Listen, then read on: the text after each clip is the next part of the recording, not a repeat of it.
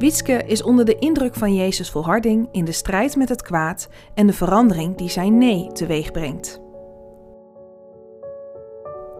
Als kind kreeg ik de rillingen bij het horen van dit Bijbelgedeelte uit Matthäus 4. Ik zag een hongerige Jezus aangevallen worden door een angstaanjagend schepsel met puntige horens. Om bang van te worden. Al lezend ontdek ik nu een sterk staaltje volharding. Jezus weerstaat tot drie keer toe verzoekingen van de duivel. Hij houdt het vol. En hoe?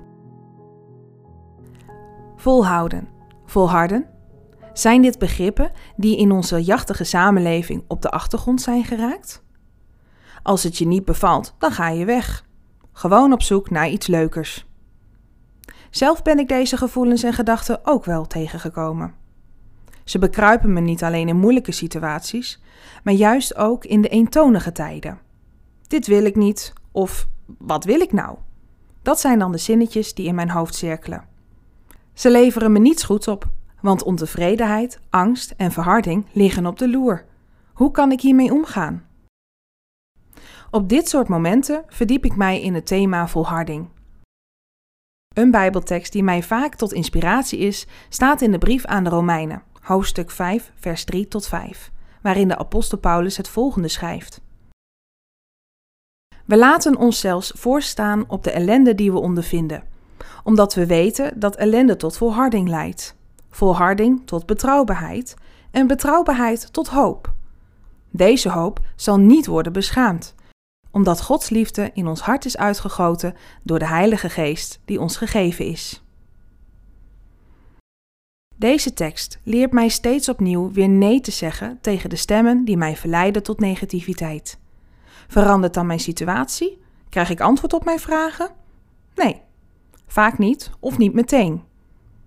Wel voel ik weer dat ik mij mag uitstrekken naar die enige hoop, die bereikbaar is door Gods geest en Zijn liefde dan houd ik het makkelijker vol, omdat ik weet dat het binnen bereik ligt.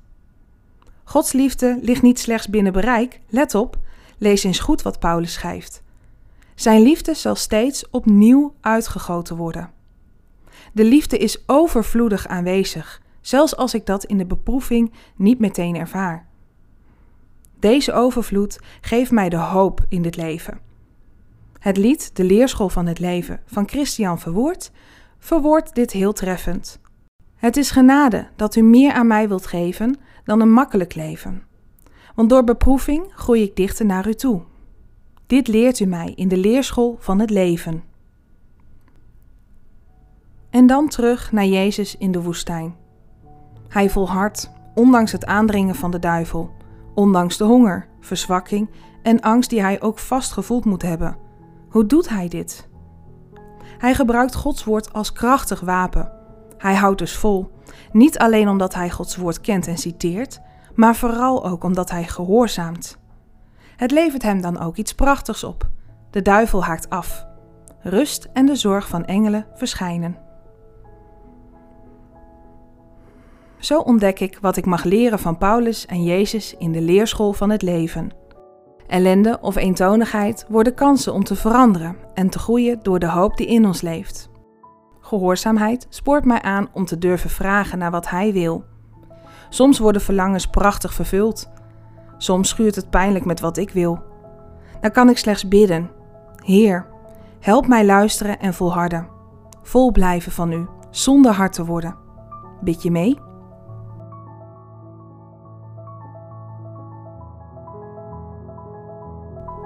Leuk dat je luistert naar 40 dagen hier en nu.